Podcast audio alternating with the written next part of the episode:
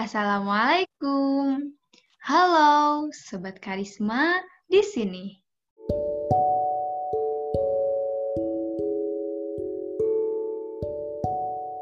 Sobat semua, udah pada dengerin episode sebelumnya belum?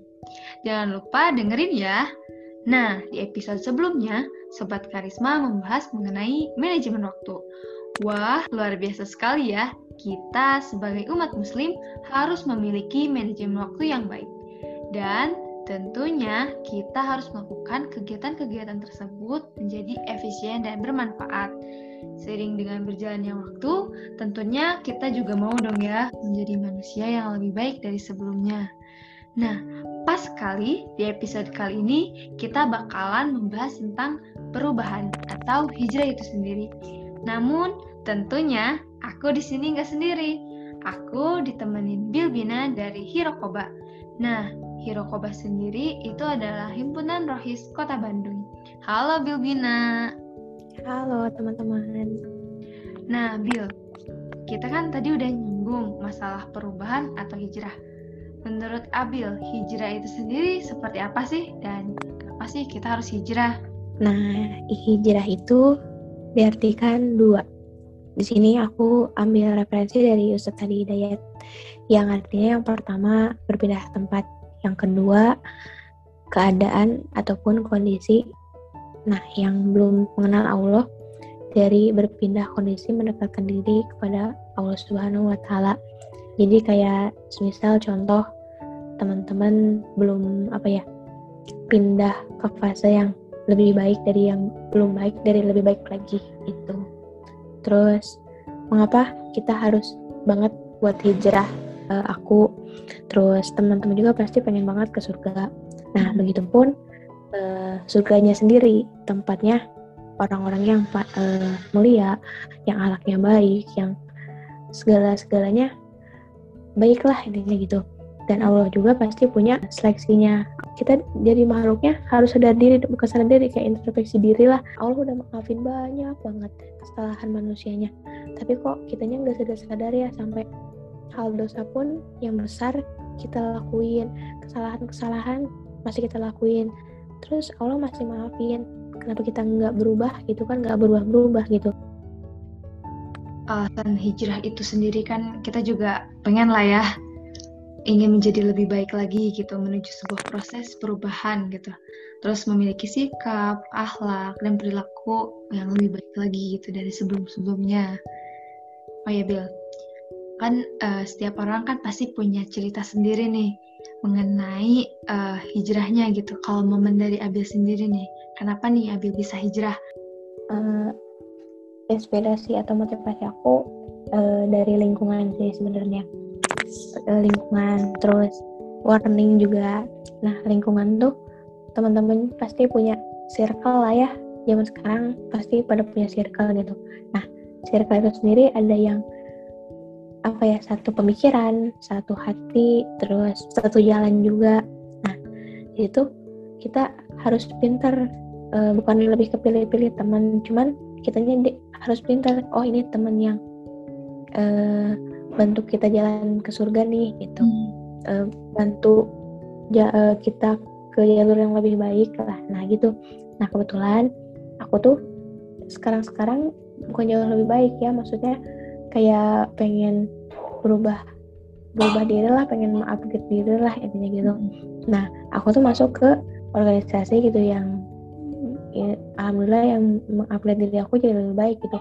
Yang awalnya nongkrong terus kayak hmm, berlebihan banget gitu untuk menyukai lawan jenis gitu kan. Remaja pasti ada fasenya menyukai lawan jenis yang berlebihan terus nongkrong-nongkrong gak jelas buang-buang waktu itu buat apa gitu kan. Sebenarnya kayak ada banyak waktu yang bisa kita laluin tapi dengan hal positif yang keduanya. Tadi kan dapat warning ya aku dapat warning tuh pas bosan sama yang oh kok kayak gini ya? Aku kayak gini terus gitu nggak berubah-berubah gitu kan. Capek terus ada kalanya capek sama hidup sendiri gitu ya. Nah sebenarnya diri sendiri sih sebenarnya yang salah. Sok uh, kalau misalnya kalian gak mau capek ubah diri kalian pola hidup diri kalian teh diubah yang awalnya. Hmm, males buat sholat emang sih awalnya susah gitu. Cuman kalau misalnya kita niatin kita usahin pasti Allah juga bakalan tiba-tiba kayak ngasih hidayah gitu. Dan pesan aku cari lingkungan atau circle yang benar-benar bikin kalian upgrade diri kalian ke, ke versi yang lebih baik. Jangan stuck ke situ terus gitu. Kayak bosan aja gitu bosan gak sih kalian stuck di teman-teman yang kayak gitu? Kalau misalnya teman-teman kalian gak bisa bantu kalian ke jalur lebih baik jadi jadi kamulah yang bantu teman-teman mereka yang jauh lebih baik gitu. Walaupun susah ya nanti juga pasti berproses gitu Nah, bener banget ya, dari lingkungan sendiri itu sangat berpengaruh banget gitu. Apalagi gitu kan, kalau misalnya kita kadang, kalau misalnya lingkungan jelek nih, kita jadi ke bawah-bawah jelek gitu kan. Kayak perumpamaan dari uh, ini, kalau misalnya kita berteman dengan seorang pandai besi gitu, kita kan akan tercium bau baunya gitu kan. Terus kalau misalnya kita berteman dengan um, penjual parfum, jadi kita ikut uh, ke bawah wanginya kayak gitu. Jadi emang berpengaruh banget gitu ya kena uh, lingkungan itu gitu. Walaupun pada dasarnya gitu ya kita kita juga kan uh, harusnya memiliki pendirian juga gitu, tapi lingkungan juga sangat-sangat berpengaruh gitu.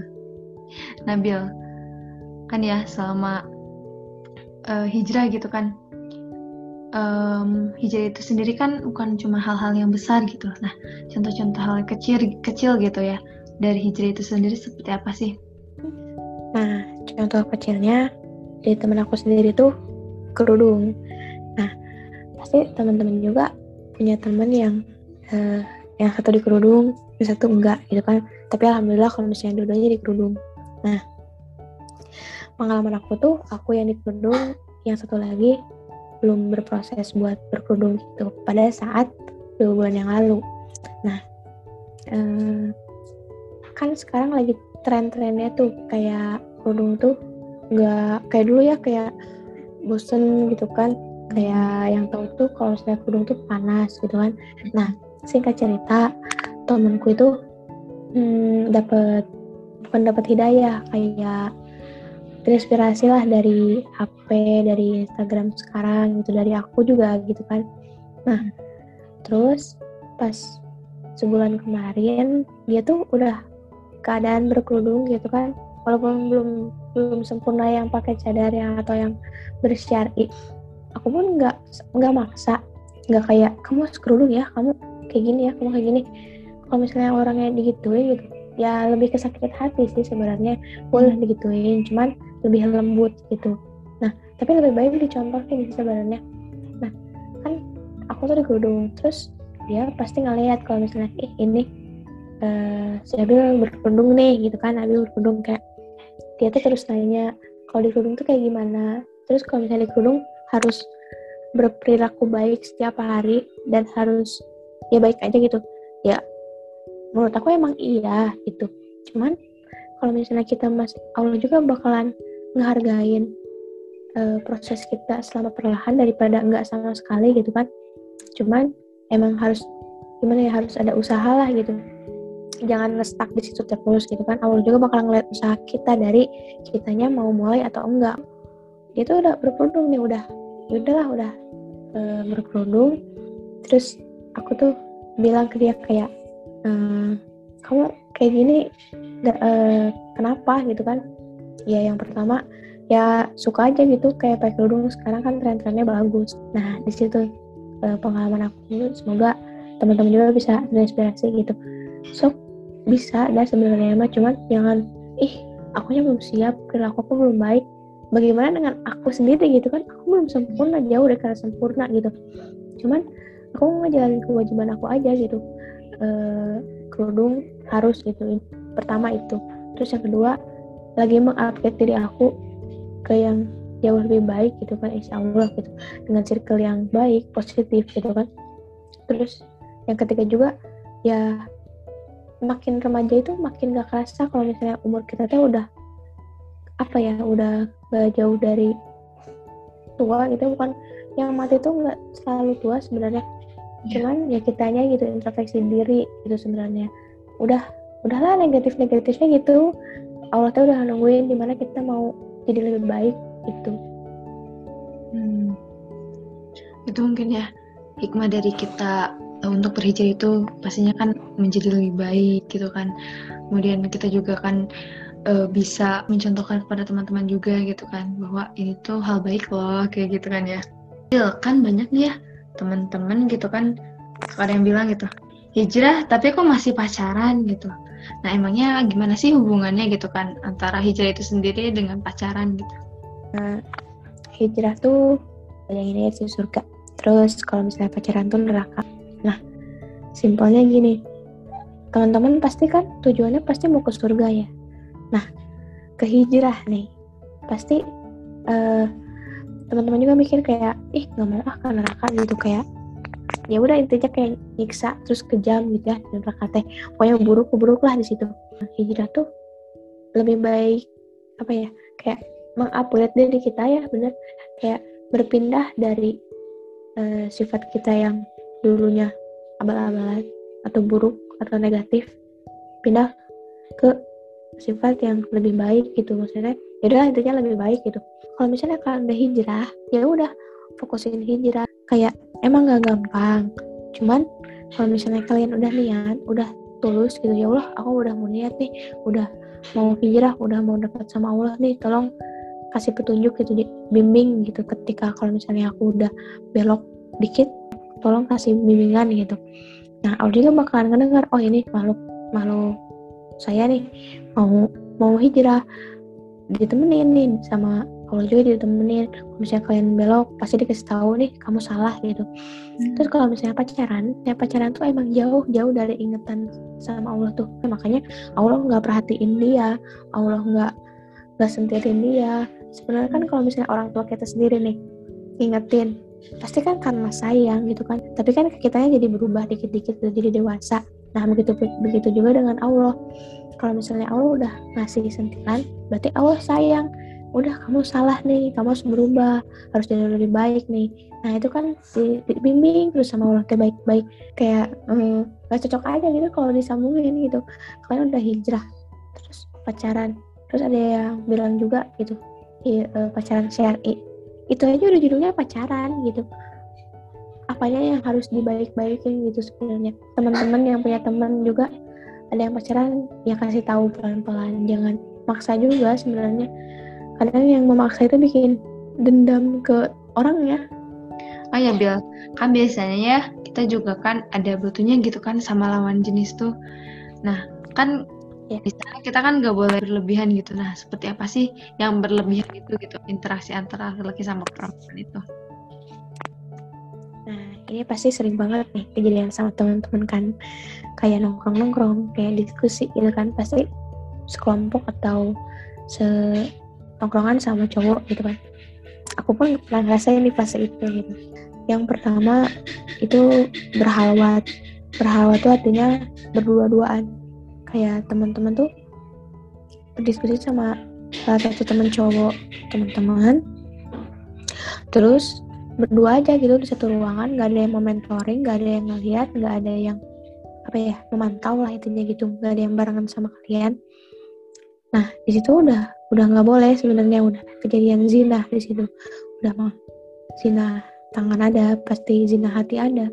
Zina segala-galanya udah ada walaupun sebenarnya kita eh teman-teman sama cowok itu tuh nggak nggak ada nggak pacaran sebenarnya nggak ada satu hati nggak ada suka saling menyuka gitu kan. Tapi kan di luar sana beda pendapatnya. Ada fitnah ada orang mah pasti beda-beda karakter. Ada yang suka sama teman-teman ada yang enggak gitu kan. Ada yang suka julid gitu kan. Pasti kan masuk di fitnah gitu kan intinya. Mm-hmm. mohon dikurangi gitu kan. Terus uh, campur baur gitu kan. Campur baur itu artinya kayak kita um, berkelompok sama satu cowok dan apa ya dan kita tuh saling bercanda gitu kayak mm, ih kamu mah gitu kan ih ini gitu kan kayak here gitu kan. Nah itu tuh dikurangin yang kayak gitu gitunya gitu. malu gak sih kalau misalnya kalian pakai kerudung panjang langsung kayak here sama bercanda gitu ya bercanda sama lawan jenis gitu kan pasti orang-orang kayak itu kudung panjang gitu kan pasti dikomentarin kudung panjang tapi bersentuhan sama cowok. Oke deh. Oh ya Bill uh, yang terakhir nih, kalau pesan Abil nih buat teman-teman yang masih pacaran, seperti apa sih gitu? Uh, pesan dari aku itu kata aja sih, tapi ada yang jelasin juga. Putusin aja, terus teman-teman teh udah punya jodohnya masing-masing gitu, gak usah maksain uh, apa ya uh, teman-teman sama yang itu tuh nggak usah maksain buat selalu bersama gitu kan sebenarnya nggak nggak harus maksain juga. Allah tuh udah ngasih jodoh buat teman-teman. Ini misalnya teman A sama si B udah jodoh nih udah digarisin sama Allah teh. Udah digarisin nih kayak eh nggak boleh diganggu gugat sebenarnya. Kalau misalnya pacaran satu atau sampai dua tahun itu putus pasti kan berakibat keduanya gitu. Ada sakit hati lah galau terus gagal move on. Akhirnya kan terus stres pasti ngeganggu ke aktivitas yang lainnya. Terus nyalahin lah kalau misalnya uh, semua orang tuh sama ya nyakitin. Sebenarnya nggak kayak gitu. Soalnya diri kita sendiri yang uh, Allah aja udah ngasih tahu udah putus. Kita udah bertanda.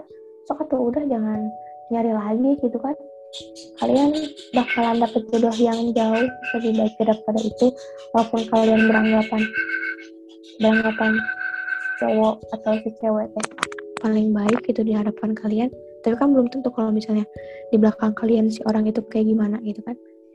Itu kan beranggapan kalian. Kalau misalnya Allah yang kasih kan ya udah indah rencana Allah tuh indah semua intinya gitu. Hmm. wah masya Allah sekali ya kalau itu kan emang skenario terbaik itu pembuat skenario terbaik gitu. Kemudian Allah juga kan sutradara terbaik lah intinya ya. Kita gak, gak perlu risau gitu masalah tentang jodoh gitu. Allah itu udah tentuin lah intinya makanya gitu ya Bill ya teh. Oh ya itu adalah pertanyaan terakhir sekaligus uh, penutup podcast kita kali ini terima kasih ya Bill sudah hadir di podcast kita kali ini nah Semoga sobat semua selalu istiqomah dan selalu hijrah ya. Terima kasih sobat semua yang sudah mendengarkan podcast kita. Wassalamualaikum warahmatullahi wabarakatuh.